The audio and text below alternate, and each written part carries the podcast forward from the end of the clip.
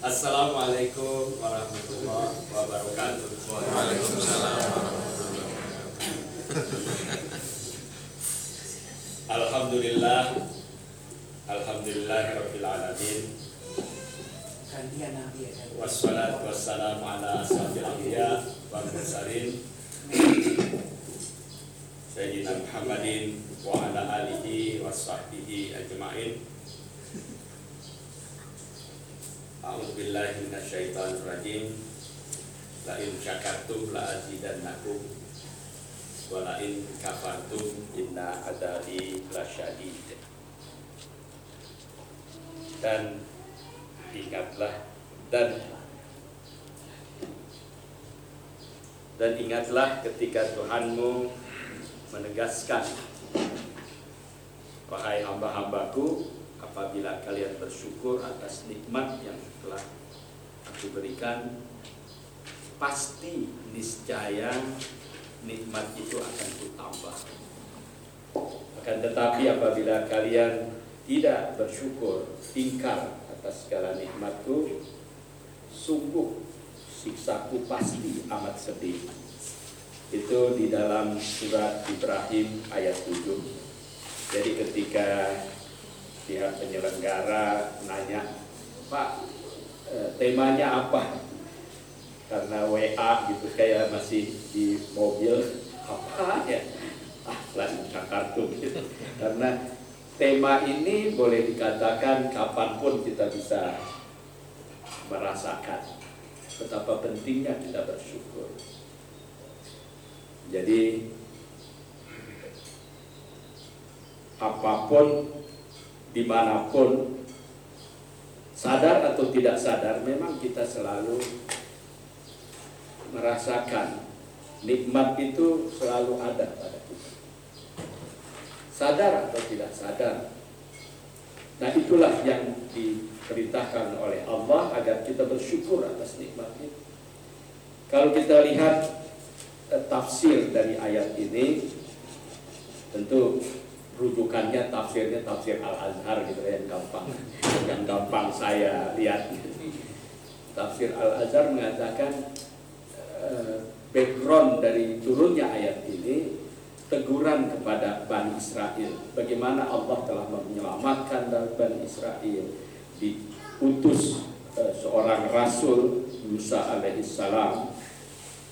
Begitu hebatnya nikmat dan karunia kepada Bani Israel ini ternyata Bani Israel itu selalu dalam sejarah disebutkan dalam kitab suci itu tidak mau bersyukur. Bahkan selalu ingkar. Nah itulah yang ditegur oleh Allah. Bagaimana bagi orang yang tidak bersyukur dia akan mendapatkan kerugian yang luar biasa saudara-saudara sekalian, eh, tuan rumah dan para pimpinan-pimpinan di ranting, saya terus terang saja bersyukur kehadirat Allah. Saya mendapat kehormatan hadir di tengah-tengah anda-anda sekalian. Juga kepada tuan rumah, terima kasih. Kata Rasul, dalam hadisnya. Man arada ayyum satalahu bi rizqihi wa ayyum sa'alahu fi asarihi wal yasil rahimahu. Orang yang ingin yang berkeinginan murah rezeki dan juga ingin sekali umur panjang. Katanya kuncinya adalah silaturahmi dan kita terus terang pengen semua kita butuh sekali rezeki murah rezeki kita butuh sekali umur panjang. Maka dari itu kalau kita putuskan silaturahim biarpun merasa duitnya banyak lalu di rumah aja nggak mau hubungan sama orang lain.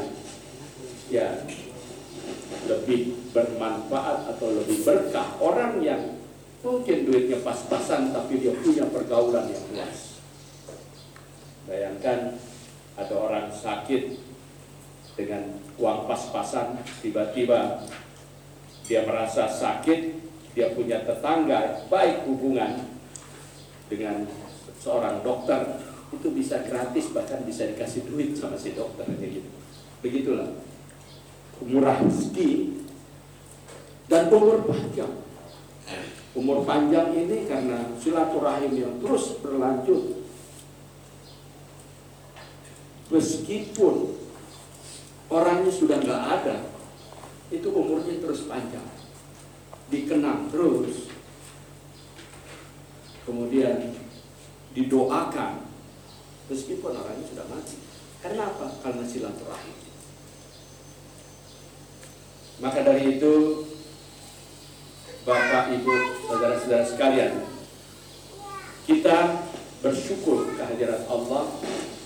Dan kalau kita merasakan apa yang kita miliki luar biasa. Bahkan dikatakan dalam Al-Quran wa ta'uddu ni'matallah la tuhsuha. Apabila kita hitung-hitung nikmat Allah ada pada diri kita nggak akan terhitung semakin banyak. Begitulah yang diajarkan bagaimana bersyukur itu. Bersyukur kita punya rezeki. Dengan bersyukur kehadiran Allah Allah akan tambah. Tambahnya mungkin kita mengatakan tambah mana dia tambahannya? Tanpa sadar atau tidak sadar itu berupa materi juga berupa iman yang tidak kita perkirakan. Yang tidak terlihat dari materinya maka dari itu dalam dalam surat Ad-Duha di ayat terakhir itu disebutkan wa amma bi ni'mati rabbika wa dan atas nikmat yang diberikan Tuhanmu maka sebutkan. Sebutkan wahadis maksudnya itu diucapkan. Paling eh, mudah bagi kita mengucapkan Alhamdulillah syukur Alhamdulillah. Tapi para penafsir mengatakan wahadis di sini umumkan. Ini rumah Pak Najib. Iya. Eh, baru ditambah ke belakang gitu baik. Itu kita bersyukur. Pak hadis itu bukan hanya sekedar mengucapkan. Alhamdulillah bukan. Umumkan. Umumkan. Kasih tahu orang banyak. Undang para jadi eh, ini pertemuannya di rumah saya aja. Itu untuk mengasih tahu fahadis itu. Jadi dari kata-kata fahadis ini tumbuhlah kenduri misalnya. Orang mendapatkan rezeki, dia umumkan, dia undang orang untuk ayo sama-sama. Jadi fahadis di sini bukan hanya sekedar mengucapkan, tapi berbagi. Berbagi kebahagiaan. Maka dari itu kita yakin la dan nakum akan ditambah. Mungkin bagi kita sering yang terpikir oleh kita adalah materi. Dan itu pun kita rasakan. Kita bersyukur dengan mengucapkan syukur Alhamdulillah dengan berbagi punya rezeki kita berbagi dan kita rasakan rezeki itu bertambah lagi bertambah lagi tidak ada dalil orang mengeluarkan rezekinya untuk berbagi lalu dia miskin. Tidak ada. Hadirin yang saya muliakan, tapi mari saya mengajak kita juga bersyukur dalam hal-hal yang imateri. Yang bukan materi, mungkin kualitas. Kita bersyukur kehadiran Allah kita sebagai muslim. Sudahkah kita bersyukur sebagai muslim? Bayangkan hadirin kalau kita bersyukur Allah akan menambah. Apa sih yang ditambah oleh Allah kalau kita sudah bersyukur sebagai muslim? Ternyata Allah memberikan kualitas, menambah kualitas keislaman kita. Kita kita bersyukur kehadiran Allah sebagai Muslim, lalu Allah menambah, menambah kualitas itu kita menjadi Muslim yang melaksanakan perintah itu tanpa kita sadar atau sadar atau tidak kita sadari kesadaran kita untuk melaksanakan sholat melaksanakan kewajiban kita sebagai muslim. Bayangkan banyak orang yang mengaku muslim tapi sholat aja enggak. KTP-nya jelas agama Islam tapi enggak sholat Waalaikumsalam. Lanjut.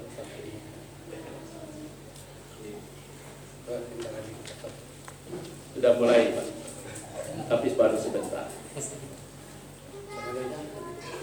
Kita bersyukur sebagai muslim Allah menambah kita Muslim yang musolim. Saya yakin kita yang hadir di sini Orang-orang yang sholat Kita mengaku muslim Tapi juga kita Tidak seperti muslim-muslim yang lain. Hanya tertulis KTP-nya Islam. Tapi sholat kagak. Bayangkan kalau Jumatan itu hadirin. Kita yang sudah memenuhi masjid Tapi di luar masjid Itu kendaraan masih berkeliaran Orang nggak sholat. Kita tidak seperti itu Lalu dengan bersyukur kita sebagai muslim yang musollim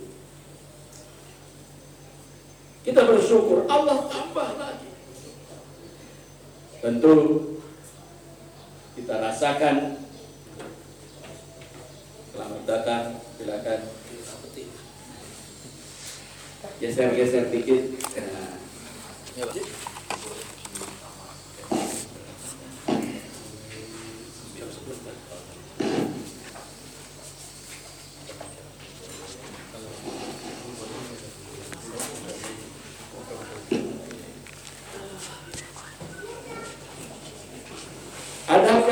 rasakan penambahan Allah pada kualitas keislaman kita, sholat kita? Karena kita sudah bersyukur kehadiran Allah kita menjadi muslim yang melaksanakan sholat, melaksanakan kewajiban-kewajiban sebagai muslim. Ternyata semakin kita bersyukur Allah menambah menambah kualitas kita. Kita bukan hanya sekedar sholat gerak-gerik di atas saja. Tapi kita menyadari apa yang kita ucapkan di dalam sholat kita.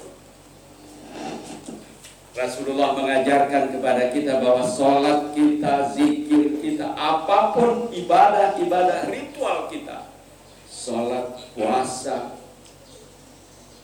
berzikir, baca Quran, bahkan beribadah di tanah suci. Semua ibadah-ibadah ritual itu ternyata bukan hanya sekedar untuk dilaksanakan pada saat-saat tertentu, tetapi harus berdampak dalam kehidupan kita Apa yang kita ucapkan semakin kita sadari bukan hanya sekedar ucapan lidah, kita ucapkan Allahu Akbar. Sumpah kita di hadapan Allah bahwa hanya Allah yang patut kita agungkan. Mungkin kita cuma gerak-gerik Allahu Akbar, tapi di situ di situ kita sudah bersumpah hanya Allah yang patut kita agungkan patut kita bersama.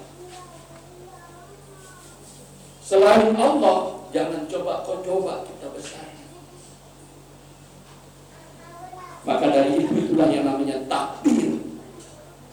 Sholat kita itu haruslah berdampak dalam kehidupan kita sehari-hari. Kita ucapkan hanya Allah yang maha besar. Kalau kita sudah membesarkan diri kita di hadapan orang lain, kita bukan lagi bertakbir dalam sholat kita. Itu yang kita harus sadar. Orang sholat tapi sombongnya luar biasa. Dirinya besar, dia itu bukan takbir, tapi takabur. Itu baru Allahu Akbar.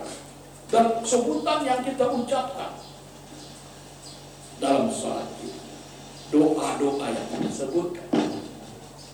Iyaka na'budu wa iyaka nasta'in. Sadarkah kita apa yang kita ucapkan? Bukan iyaka nasta'in wa iyaka na'budu. Tapi kita menghambakan diri dalam kehidupan ini kepada Allah dan hanya kepada Allah kita memohon hal itu. Semua ucapan-ucapan kita itu. Maka dari itu Semakin kita bersyukur dengan sholat kita, kita sadar bahwasanya apa yang kita ucapkan dalam sholat kita merupakan ikrar-ikrar kita untuk kita wujudkan dalam kehidupan. Bayangkan hadirin kita selalu menyebutkan doa yang kita butuhkan setiap saat dalam kehidupan. Duduk di antara dua sujud Apakah kita menyadari apa yang kita mohon kepada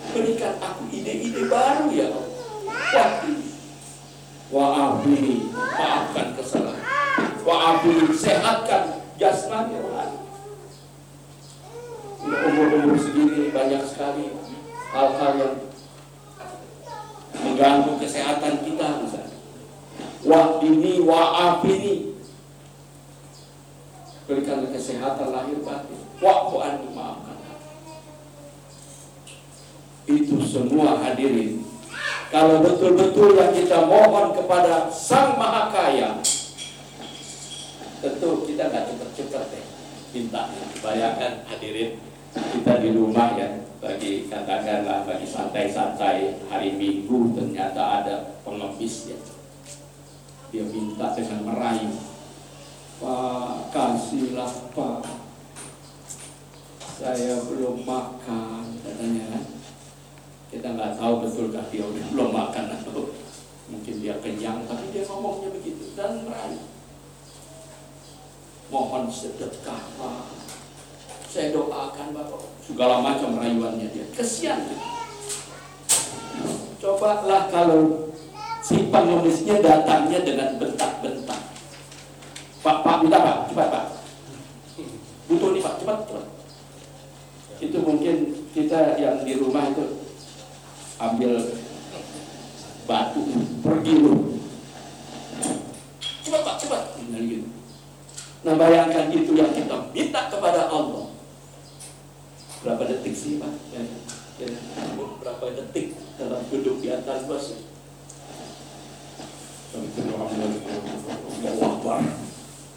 itu Allah diminta kayak begitu. Coba kita bayangkan Pak Nubis datang dengan bentak-bentak dengan cepat. Nggak jelas apa yang dia sebutkan tapi maksa begitu mungkin kita pergi nah, kita? Dulu dulu apa kita rasakan betapa perlunya kita mengucapkan hal-hal seperti itu yang kita butuh. Lalu kita akhiri sholat kita, kita bersumpah di hadapan Allah. Assalamualaikum kata kita. Itu bukan lagi dialognya kepada Allah, tetapi kepada Allah. Sumpah kita di hadapan Allah menebarkan assalam kedamaian alaikum kepada kalian. Siapa? Lingkungan. Kita nengoknya ke kanan. Lingkungan yang ada di sekitar kita. Kanan kita kiri kita. Warahmatullah. Kasih sayang Allah. Wabarakatuh dan berkahnya Allah. Luar biasa. Kedamaian kasih sayang Allah dan berkahnya Allah untuk kepada kalian lingkungan sekitar lingkungan yang ada di dalam kehidupan. Sholat kita di rumah lingkungan keluarga kita. Jangan jangan kita abaikan apa yang kita sumpahkan di hadapan Allah. Maka dari itu hadirin itu semua haruslah terwujud dalam kehidupan kita ingat ada ayat Quran surat Al-Maun. A'udzubillahi minasyaitonir Fawalun lil musallin. Masuk neraka yang paling hina. Wail. Orang-orang yang salah. Masuk neraka yang paling Bina orang yang sholat. Kalau sampai di situ berhenti. Wah gawat. Alladzina hum an sholatihim sahun. Nah. Kenapa sholat dia sholat tapi masuk neraka? Yaitu orang-orang yang sholat tapi dia lalai. Dia ucapkan di atas sajadah sumpah-sumpah setia kepada Allah. Tapi dia lalaikan semua yang dia ucapkan. Itulah yang dikatakan orang yang hanya sholat di atas sajadah. Sholat selesai sajadah dilupat masuk laci. Sholatnya ikut masuk laci. Islamnya masuk laci imamnya masuk lagi. Kemudian dia hidup. Bayangkan hadirin orang-orang yang bikin pembunuh diri. Sholat dia. Dia bersumpah. Menebarkan kedamaian. Kasih sayang Allah. Berkahnya Allah. Tapi justru dia lalaikan ucapan-ucapan dia sholat, dia haji. Sekarang coba aja hadirin hampir tiap hari kita lihat di koran-koran di media-media orang-orang yang nyolong duit koruptor-koruptor Masya Allah itu Pak Haji Pak Haji kalau dilihat datanya itu Pak Hajinya ada berapa mungkin paling banyak Pak Dibandingkan yang bukan haji. Hadirin yang saya muliakan, kita bersyukur kehadirat Allah. Kita hadir dalam setiap silaturahim seperti ini. Dan Allah akan menambah kalau kita bersyukur Allah akan menambah. Bersyukur bertambah lagi kualitas kita. Kita bersyukur dengan muslim sebagai muslim yang muslim Allah menambah kita sebagai muslim yang muslim dan mukmin setiap perintah Allah yang menuju kepada kita orang-orang mukmin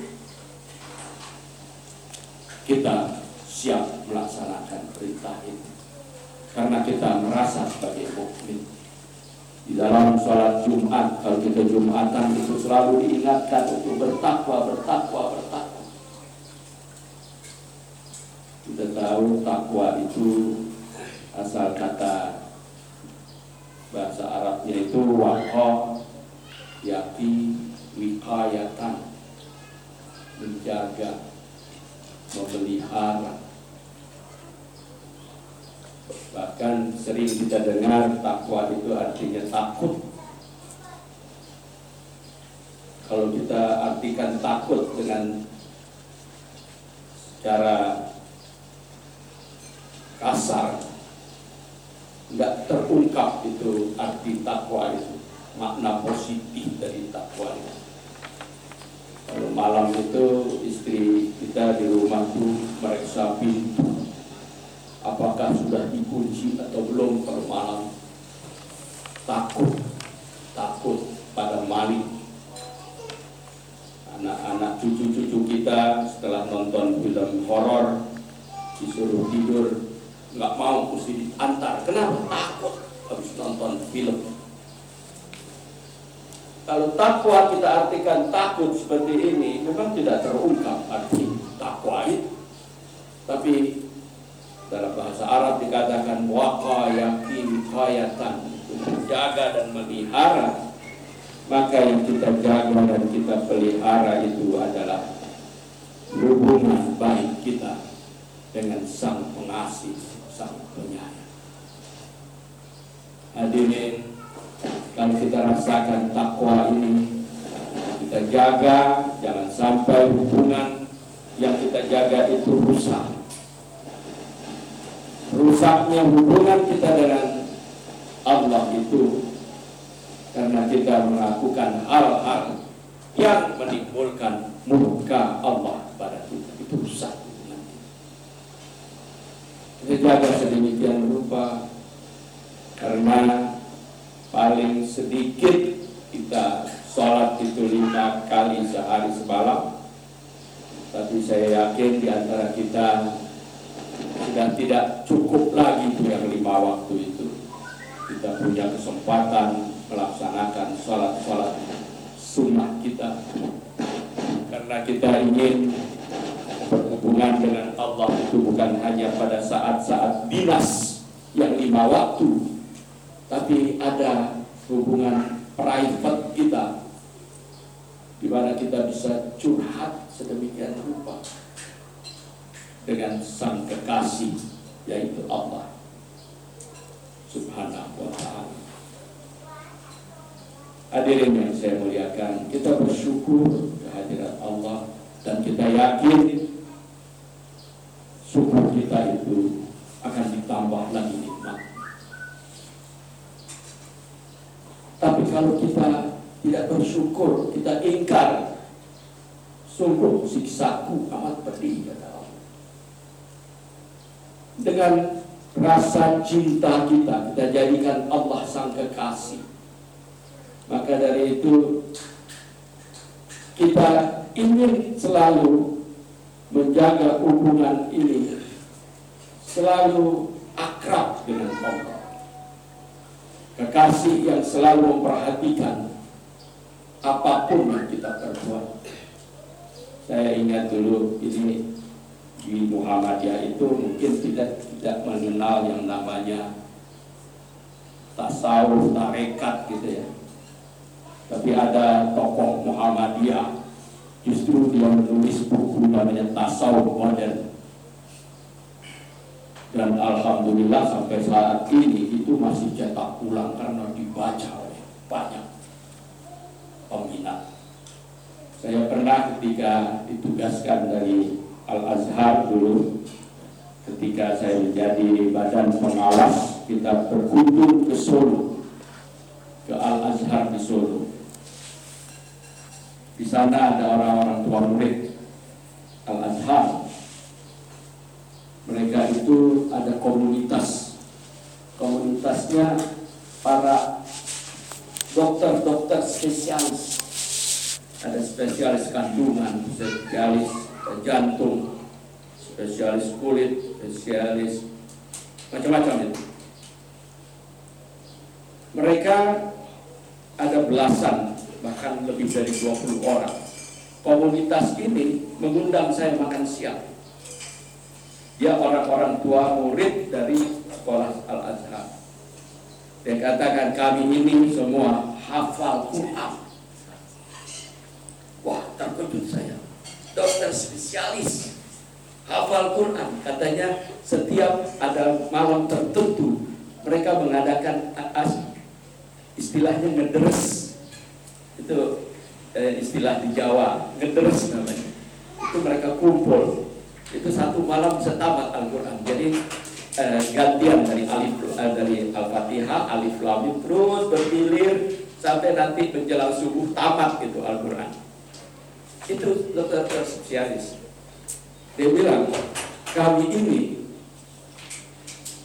punya komunitas seperti ini katanya itu didorong karena membaca buku tasawuf dan oh saya luar biasa kagum sekali dengan mereka. Jadi hadirin kalau kita baca tasawuf modern itu ternyata memang yang katanya sufi yang selalu uh, mendekatkan diri kepada Allah itu gak perlu jadi pakaiannya lusuh kan gitu ya. Rambutnya gondrong gak kesisir karena nggak sempat nggak dandan begitu ya. Tidak. Nah, jadi kalau mau jadi orang modern jadilah sufi. Itu kesimpulan itu yang ditulis oleh Hamka. Kalau menjadi orang yang hebat dalam kehidupan jadi sufi. Karena apa? Karena kita selalu merasa dekat dengan sang kekasih.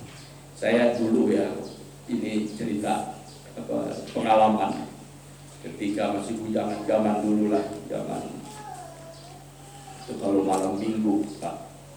Ya maklum ya kita juga punya anak beranak sudah punya keluarga. Itu ada malam minggu itu kan istilahnya waktu cari itu dari rumah sudah dandan. Oh. Jadi itu ayah kanda itu tanya eh mau ke mana waang jadi waang itu kamu ya bahasa Jerman mau ke mana Bang? Bang mau ketemu yang um, senami ya, oke gitu lah dia. Waduh saya udah malu lah gitu. Karena kita udah dandan lah. Kadang-kadang ngajak itu lihat gigi masih ada cabai masih nyangkut kepada orang. Kita merasa mau gagah gitu, mau pergi keluar rumah. Karena kita mau ketemu katakanlah tanda kutip sang kekasih. Jadi Buya Hamka itu mengatakan kalau kita mau ketemu orang yang kita cintai, tentu kita harus tampil gagah. Tahu nggak Waang katanya dengan bahasa daerah. Kalau kita menjadikan Allah itu sang kekasih, maka tampillah selalu gagah.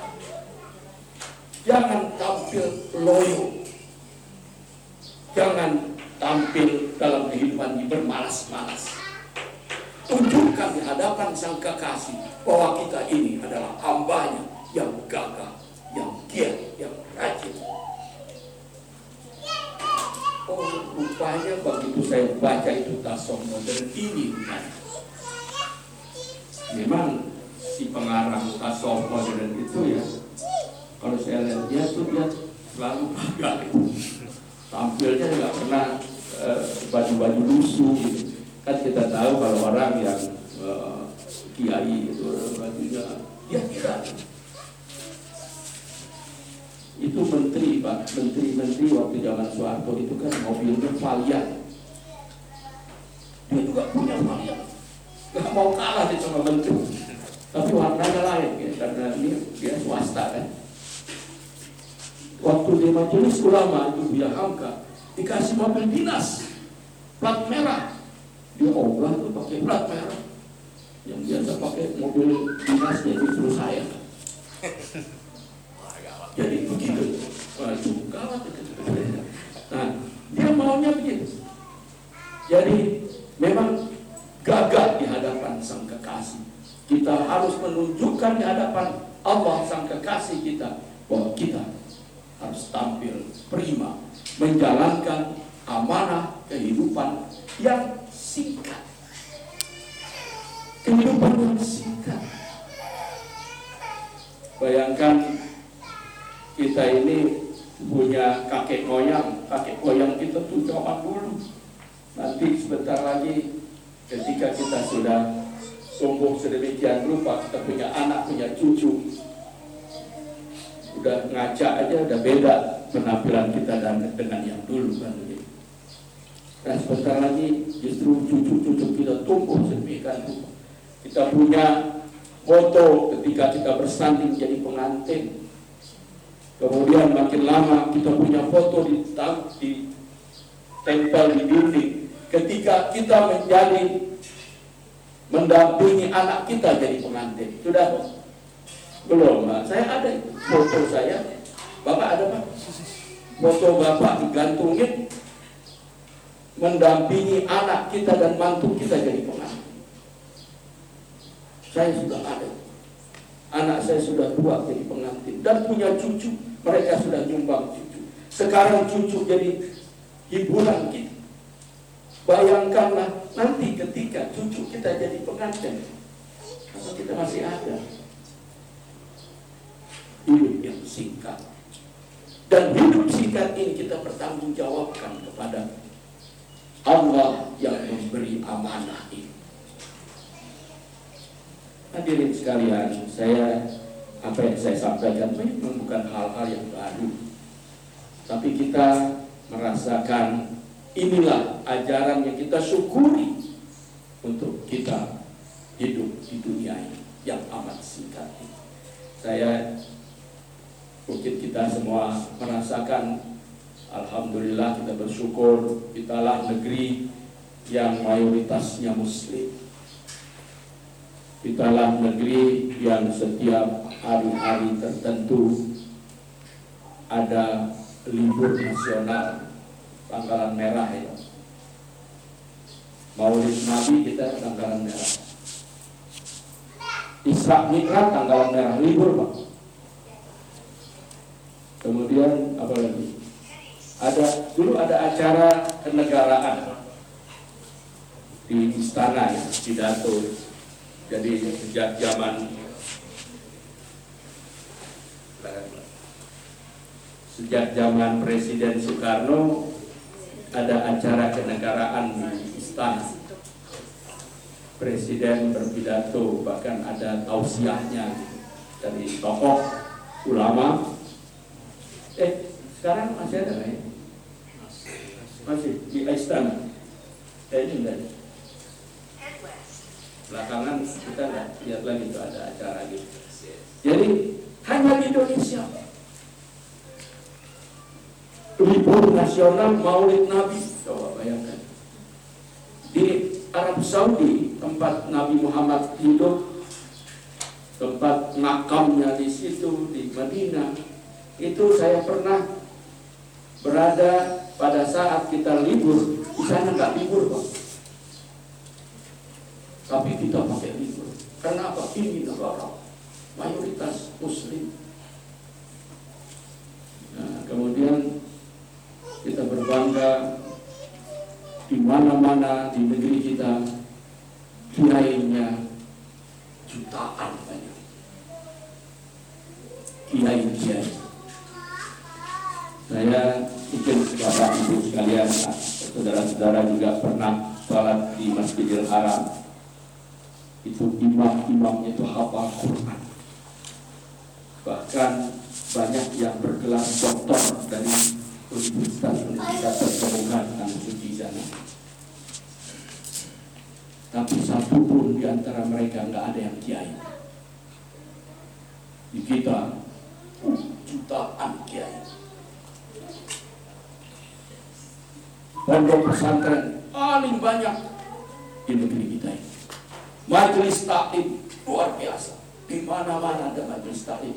Ada di antara kita yang nggak hadir. Kenapa? Hadir di majelis taklim yang lain.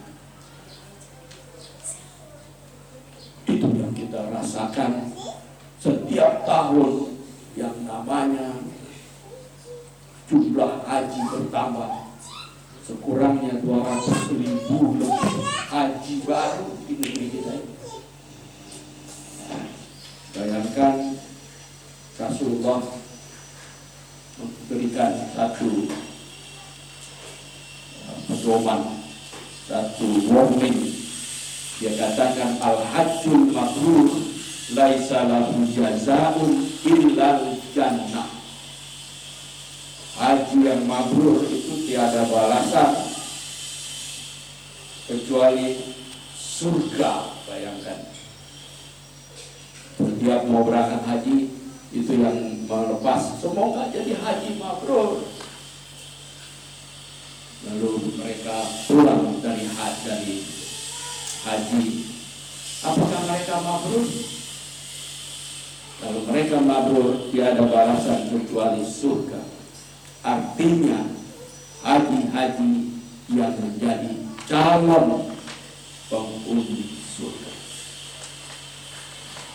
Oh, saya hatinya mabrur Pak. Uh, tandanya, oh saya tempat waktu di Arafah nangis Pak.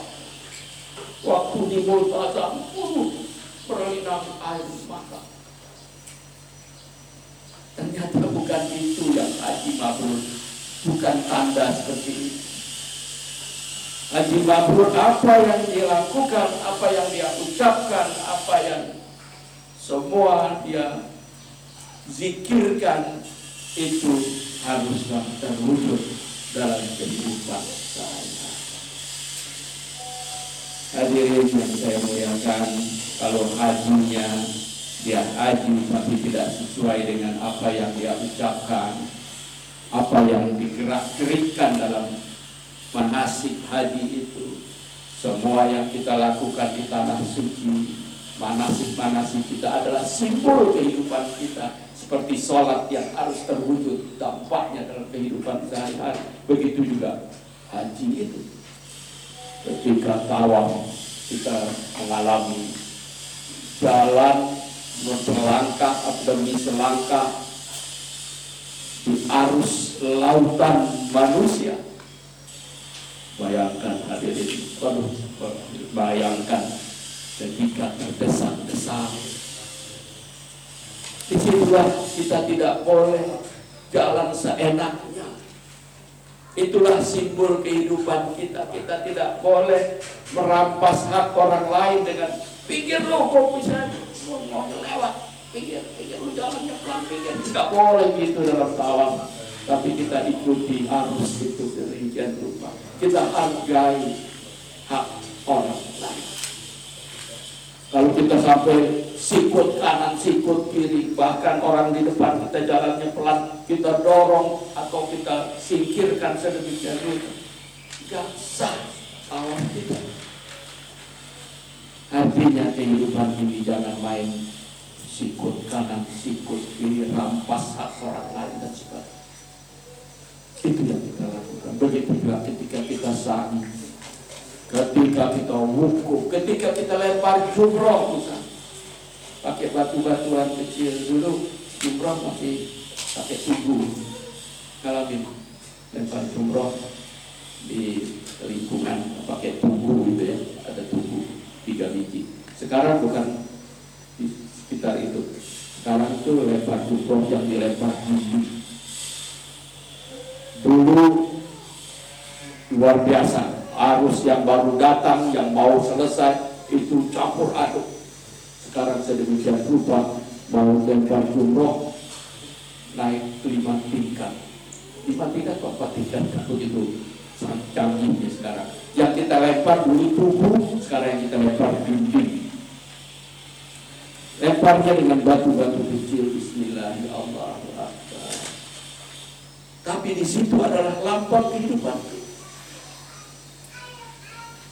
kita bersumpah menarangi setan kapan pun yang selalu berusaha menjerumuskan kita. Dan kita bersumpah untuk tampil sebagai pemenang di hadapan Allah. Itulah yang namanya haji mabrur. Kita di Arafah yang dikatakan dalam hadis Qudsi ketika Allah berkata kepada para malaikat, wahai para malaikatku, turun kalian ke Arafah, dengarkan bisikan-bisikan ratapan-ratapan hambaku yang hukum. Mereka memohon segala macam yang dia mohonkan. Pasti aku kabulkan. Itu hadis kunci yang mengatakan seperti itu. Jadi memang hadirin kalau kita berdoa di Arafah dengan penuh kesadaran, insya Allah dikabulkan.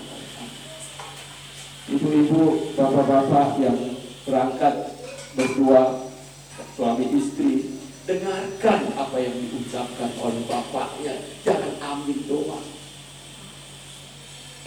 Bapak-bapak jangan bisik-bisik supaya ibunya nggak dengar. Sebutkan apa yang diinginkan. Ya disebut. Ya Allah, anak-anakku supaya nanti jadi orang-orang amin kata ibu. Jangan bisik-bisik, amin. Bapaknya pulang punya bini baru tuh. Langsung ngamuk si ibunya. Kenapa? Karena itu dikabulkan. Pulang-pulang dapat bini baru, Pak. Karena dikabulkan, diaminkan sama si ibu, kan? Karena nggak didengar, kan? Jadi, itulah lambang kehidupan kita. Hadirin yang saya muliakan. Kalau kita bertanya apa yang kita saksikan di dunia, di dunia yang nyata, kita hidup bermasyarakat, berbangsa dan bernegara. Dan ada yang di antara kita yang pernah keliling ke mana-mana. Termasuk saya pernah ke negeri yang tidak ada azan maghrib, tidak ada azan suara azan, tidak ada majelis taklim, negeri kafir. Bayangkan hadirin, saya berangkat baik kereta bawah tanah, subway dari Tokyo menuju kota namanya Shinjuku. Itu hadirin kita antri, ya mungkin ada yang mengalami antrinya saja itu sudah Islam di negeri kafir. Coratan, coret-coret itu nggak ada di stasiun. Ramai. Orang berseliweran. Antri tertib. Bayangkan kita masuk ke peron ke tempat kereta itu, itu pintunya cuma lebih tinggi dengkul kita gitu. Dia terbuka kita masukkan kita taruh uh, karcis kita itu, itu pintu terbuka semua. Begitu kita lewat, itu karcis kita itu sudah muncul lagi di ujung sana, tertutup lagi begitu. Dan orang nanti akan antri begitu selanjutnya. Cobalah kalau ada di antara kita, itu pintu langsung dilengkahin gitu. Itu bisa sih. Tapi dari ribuan manusia di situ gak ada satu pun yang curang ngelengkahin. Itu di negeri kafir, Pak. Tapi, nah, begitu kita naik kereta, itu orang nggak ada yang ngobrol. Orang baca di mana-mana, baca kalau nggak baca tidur. Itu mungkin kita pernah alami. Yang bengong itu cuma saya, orang kok begini banget sih. Rupanya di tengah jalan Pak. Kawan saya itu dia terkejut dia katakan, ya tas pinggang gua ketinggalan di WC. WC stasiun Tokyo. Tas pinggang jadi di situ ada paspornya, ada travel checknya, ada segala macam ada di situ. Itu dia ketakutan, dia gelisah sedemikian rupa karena di situlah harta benda semua bahkan kunci kamar pun ada di itu kunci kamar hotel itu begitu gelisahnya itu kata kawan kita yang si guide don't worry. Dia bilang pasti ketemu. Nanti kita urusan dulu di Shinjuku kita selesaikan. Nanti kita pulang kita ambil. Ada itu pak nggak bisa nggak ngomong insya Allah dia itu kafir satu. Pasti oh pasti. Ya ampun nggak ada insya Allahnya ini si Jepang. Begitu selesai urusan di Shinjuku pulanglah kita sore hari. Itu teman kita begitu dia turun langsung mau ke WC dia eh bukan bukan ke situ kita ke sini. Konter tempat benda-benda tertinggal eh ada. Nggak hilang satu komponen satu pun bayangkan. Passwordnya kok komplit semua. Apalagi kapan ketinggalannya ketinggalannya tadi pagi. Oh tadi pagi sini. Kalau yang situ ya kemarin oh yang kemarin rupanya banyak juga tuh. Belum diambil lagi. Nah itu di mana? Di negeri kafir. Di negeri yang nggak ada majelis taklim yang nggak pernah kita dengar sekarang kita kalau TV subuh itu waduh semua channel TV kuliah subuh ya. jamaah ada ya. Mama Dede ada nah, gitu. di sana nggak ada itu kuliah subuh jadi hadirin itu di negeri kita nah coba aja lah kita alami ya. Kita pergi ke Jakarta Pusat ya. banyak sudah zuhur kita mampir di satu masjid. Sudah kau wudhu sedemikian rupa. Mau sholat naik ke atas sampai di atas baru ingat jam tangan ketinggalan tempat wudhu wah turun buru-buru. Mau ambil. Nah itu insya Allah. Hilang. Yang ambil pakai bismillah juga. Pakai bismillah. Kan coba kita jangan apa tinggalkan ini benda itu. Kan gitu di, di masjid tuh ya. Jangan ada tindak ketinggalan. Uh, kunci mobil harus itu. Begitu anu di Shinjuku gitu di Tokyo ternyata di negeri kafir seperti itu nah hadirin bagaimana kita bersyukur kehadiran Allah sehingga Allah betul-betul menambah lagi kualitas keislaman kita kualitas ketakwaan kita bagaimana kita mencintai Allah mencintai Rasulnya, mencintai ajaran. Bahkan dalam teori percintaan, teori percintaan. Kalau kita mencintai kekasih kita, ada rasa cemburu dalam hati kita. Kita mencintai Allah. Kalau ada orang menghina Allah kita yang kita cintai, ada semangat kita untuk bertindak itu yang namanya cemburu kalau istilahnya Buya Hamka itu gira ada bukunya namanya gira dia katakan dalam buku itu kisah yang terjadi di Sulawesi Selatan. Orang Mandar, orang Bugis, orang Makassar itu ada namanya siri. Mungkin ada di antara kita yang orang Sulawesi. Itu namanya istilahnya siri.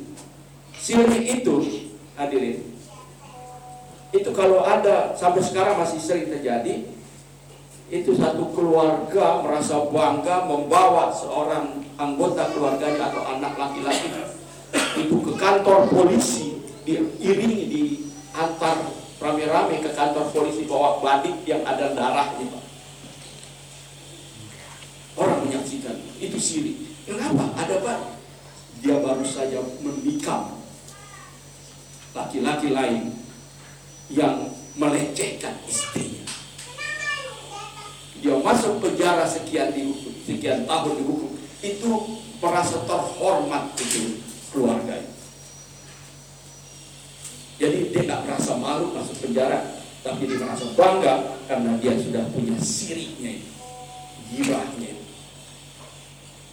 Nah ini yang sejauh mana gibah kita itu kepada kecintaan kita kecintaan kita kepada Nabi Muhammad kecintaan kita kepada rukun Islam kita kecintaan kita kepada rukun iman kita. Kita hidup yang di dunia ini hanya sebentar yang kita cita-citakan hidup kekal di akhirat.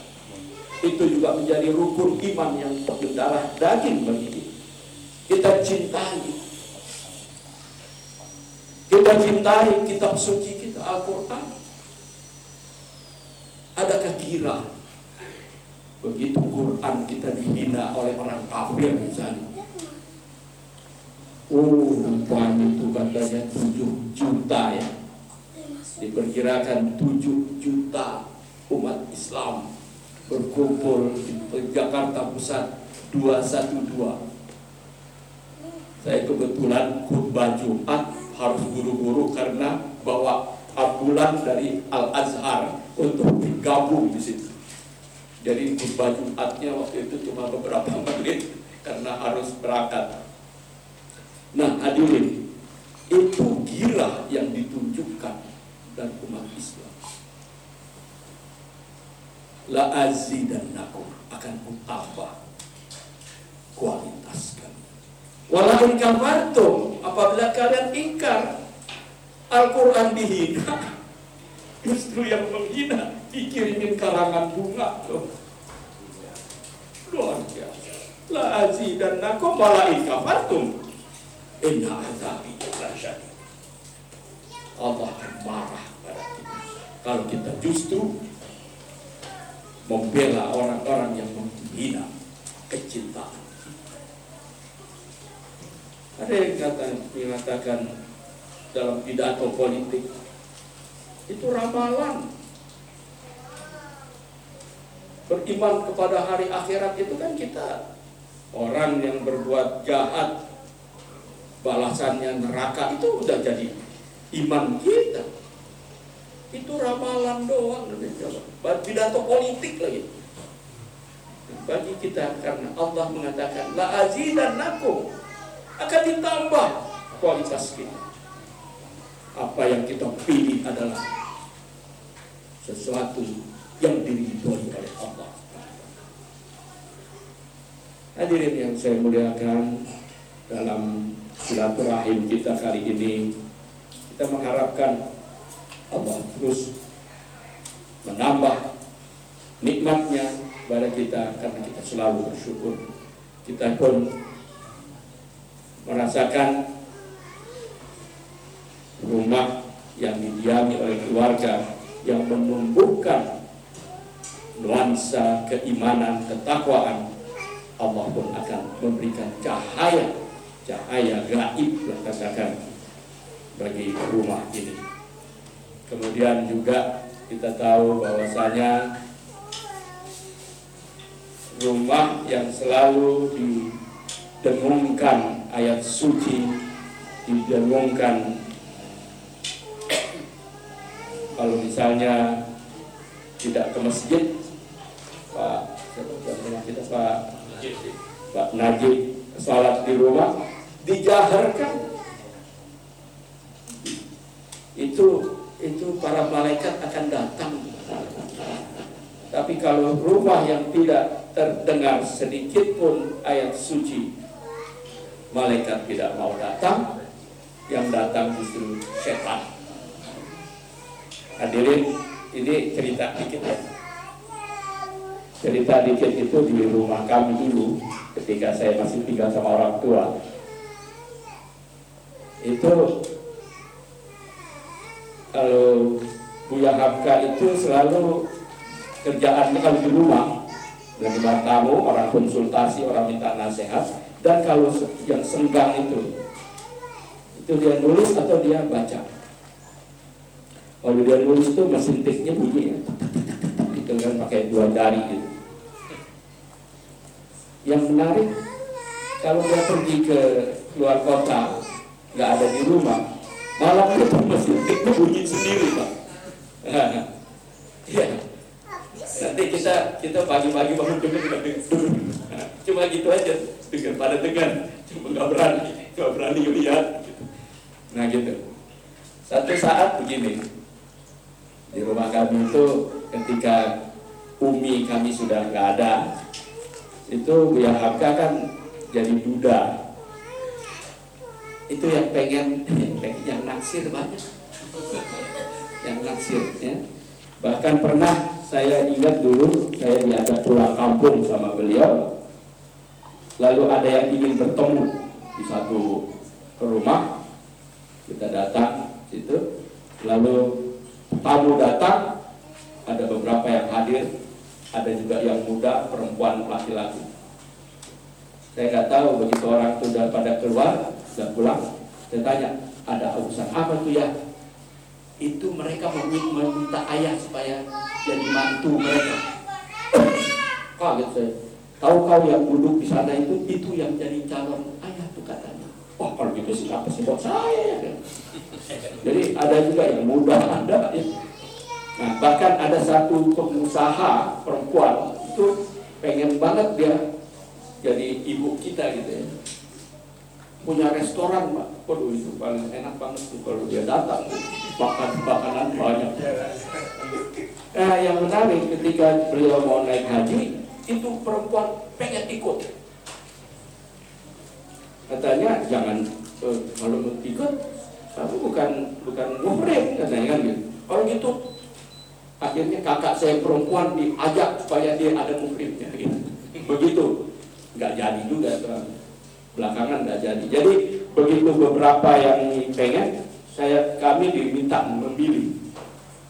Kalau gitu kalian deh yang pilih yang mana tuh. Nah, adalah akhirnya kita bersepakat anak-anak beliau memilih yang bukan dari ini bukan dari itu tapi satu kita pilih. Nah, itulah ibu kami ibu tiri yang cerita. Itulah yang jadi ibu kami belakangan sampai beliau meninggal sampai belakangan pun ibu kami itu sudah meninggal juga. Yang menarik.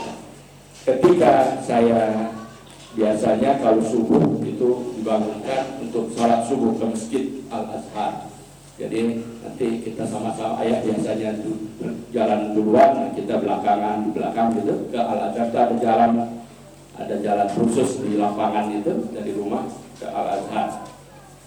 Yang menarik itu si ibu ngadu nih sama saya. Dia panggil kami yang laki-laki Cak, Cak, Cak gitu ya. Kalau yang perempuan panggil Neng. Ini orang Sunda gitu. Aduh Cak, ibu tadi takut banget Cak takut kenapa? Jadi ayah itu kalau menjelang subuh itu dia sholat tahajud. Ya ibu ini ikut juga sholat tahajud. Nah, jadi dia di sebelah ayah itu di sebelah sana, ibu di sebelah sini dekat tempat tidur dia, gitu ya. Ceritanya ibu, begitu dia lagi sholat, ayah juga lagi sholat di sana, tiba-tiba itu kamar kan ya cuma dua orang dia dengar ada orang baca tahiyat. Berbisik itu seperti seperti orang sholat. Itu ibu suara siapa suara ayah-ayah di sebelah sana gitu. dia tahu nih ada makhluk aneh gitu. Ya. itu dia lompat ke tempat tidur dia bubar itu sholatnya. Katanya begitu dia bilang, Cek, ibu takut. Dan, saya tanya, ya, betul tuh ini cerita itu. Dia ayah tuh ketawa. Iya, malah lompat saja katanya jadi bahasa Jerman. Eh, Lompat tuh ibu katanya. Jadi kata ayah itu, ibu katanya, jangan takut. Ini bukan hanya kita berdua di kamar ini. Wah, ibu makin takut. Nah begitulah. Hadirin itu itu yang seperti seperti itu ternyata terjadi yang saya juga ngalami. Saya pernah hadirin ketika kami pulang apa berangkat dari Jakarta diantar oleh ayah ke Gontor. Nah ini ceritanya ditinggal di Gontor lalu pulang mereka pakai mobil jalan darat. Jadi saya ditinggal di sana pulang mobilnya ayah abang saya almarhum Fahri dan sopir satu orang itu perjalanan malam eh, Pantura ya jalan sepi gitu itu jalan terus itu malam tengah malam gitu lewat hutan di mana itu hutan jati ya di mana itu di Jawa Tengah. Tuban ya. Aras Roban ya Nah jadi gitulah ceritanya. Tiba-tiba ini ceritanya Bang Fahri kepada kami ketika saya pulang dia cerita. Dia lihat di kaca spion dia yang nyetir si sopir tidur. Dia belakang di belakang ayah juga tidur ingat. Dia tenang jalan itu sepi katanya.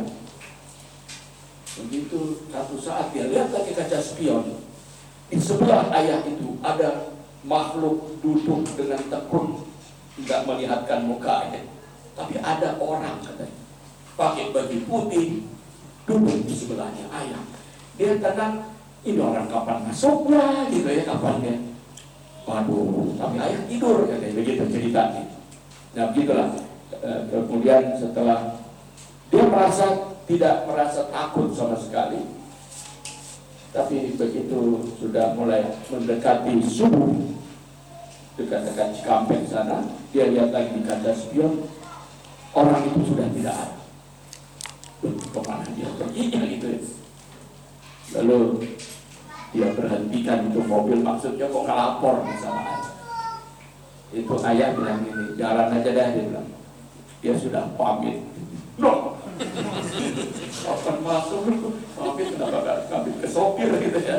Nah begitulah itu ceritanya. Lalu saya bertanya lagi sama ayah, ya itu cerita Bang Fakri betul apa enggak sih? Dia ketawa, ah si Fakri dilebih lebihin, kata dia lebih lebihin, kata gitu ya. Tapi ketawa itu nggak dianggap serius. Hadirin, eh, di tafsir Al Azhar itu kalau kita baca surat Fusilat, Fusilat itu di juz keberapa ya? Fusilat ayat 30 itu. Alhamdulillah minasyaitonirrajim. Innal ladzina qalu rabbuna Allah tsumma istaqamu tatanazzalu alaihimul malaikatu alla takhafu wa la tahzanu dan sampai akhir. Orang yang mengatakan Tuhanku Allah lalu dia pegang teguh bahwa dia bertuhan apa pun resikonya dia hadapi pemerintahnya dia laksanakan larangannya dia jauhi dan pegang teguh ikrarnya itu maka malaikat akan turun katanya dan memberikan support dalam kehidupannya. Allah taqahu wa la tahzanu jangan kamu gentar jangan kamu bersedih dan hiburlah. Absuru bil jannati. Bentuk ada. Eh, jadi hiburlah dia akan mendapatkan surga. Gitulah ya lalu Hakkaji menulis tafsir al azhar itu menceritakan menjelaskan menafsirkan ayat ini bahwa memang malaikat itu akan memberikan sugesti memberikan support kepada kita yang sudah teguh keimanannya berpegang teguh pada ajaran agamanya dan sebagainya dan sebagainya. Lalu dia sebutkanlah ulama ini mengatakan ini ini ini. Jadi ada yang mengatakan katanya dalam tafsiran itu bahwa malaikat itu akan menyambut ketika kita sudah meninggal. Tapi ulama yang satu mengatakan bukan. Bahkan di saat kita hidup pun malaikat itu sudah mengelilingi kita. Gitu. Lalu dia ceritakan itu pengalaman.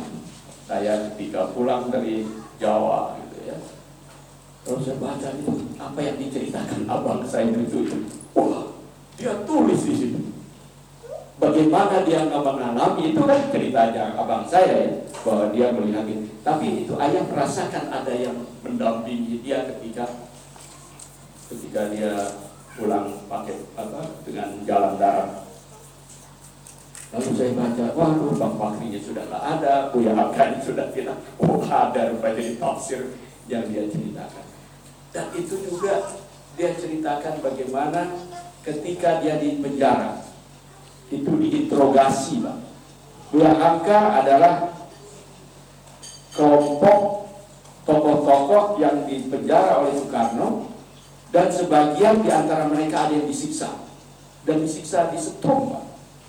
Pak Ghazali Sahlam mungkin pernah dengar nama Pak Ghazali Sahlam itu juga termasuk yang di penjara itu termasuk yang disiksa uh, Yusuf Wibisono. Uh, terus siapa lagi? Dalali Umar. Nah, kalau nggak salah Dalali Umar termasuk yang disiksa tapi Buya Hamka nah, dia cerita. Itu di tafsir itu. Jadi eh, termasuk si polisi yang datang untuk menyiksanya dia itu nggak jadi nyiksa karena dia takut katanya berhadapan dengan bukan hanya Buya yang dia lihat katanya tapi ada ada sesuatu yang menakutkan dia lalu itulah yang si polisinya nggak berani menyiksa gitu Disebutkan juga dalam ayat itu tafsiran pengalamannya. Ketika dia dia di rumah sakit, dia ini di penjara, akhirnya dia sakit, lalu masuk rumah sakit persahabatan di Rawamangun sampai dilepas Gestapo itu beliau pulang ke rumah itu dari Rawamangun. Nah itu kalau suster apa, ngontrol, dia itu tahanan politik yang kamarnya khusus. Jadi ada di, ada ranjang dua biji ranjang. Nah, ranjang dia itu di kamarnya itu hanya satu yang dia ditempati oleh dia. Satunya lagi nggak ada pasien. Karena dia tahanan politik diistimewakan. Tapi si suster itu pernah menceritakan katanya, wah katanya saya kalian ada ada juga yang duduk di tempat tidur itu saya takut katanya jadi begitu ada eh, si suster yang cerita. Nah hal-hal semacam itu ternyata dialami oleh seorang hamka gitu. Itu yang menarik yang barangkali tidak tersebut ya dalam ini yang saya alami. Maka dari itu hadirin yang dimuliakan Allah, eh, memang bagaimanapun kalau kita bersyukur kehadiran Allah, kita jadikan Allah sebagai sang kekasih kita, kita meningkatkan kualitas apa yang kita miliki selalu seoptimal mungkin karena kita berhadapan dengan Allah yang kita cintai dan kita selalu ingin kecintaan Allah itu tetap melekat di hati kita. Jamaah yang saya muliakan, inilah yang dapat saya sampaikan. Semoga ada manfaat bagi kita dan Mari saya mengajak kita sekalian tadi apa yang diminta oleh tuan rumah kita berdoa supaya rumah ini rumah yang disyukuri oleh penghuninya rumah yang menjadi dambaan bagi setiap keluarga yang beriman dan bertakwa menjadi rumah yang penuh berkah. A'udzubillahiminasyaitonirrajim Bismillahirrahmanirrahim. Alhamdulillahirabbil alamin hamdan wa ni'ama wa mukafi majidan Ya Rabbana walakal hamdu kama yang bagi di jalan wajhal karim azim sultani Allahumma inna nas'aluka ridhaka wal jannah wa na'udzu bika min sakhatika ya arhamar rahimin. Allahumma imanan bika wa tasdiqan bi kitabika wa wafa'an bi ahdika. Wa ittiba'an bi sunnati nabiyyika Muhammadin sallallahu alaihi wasallam.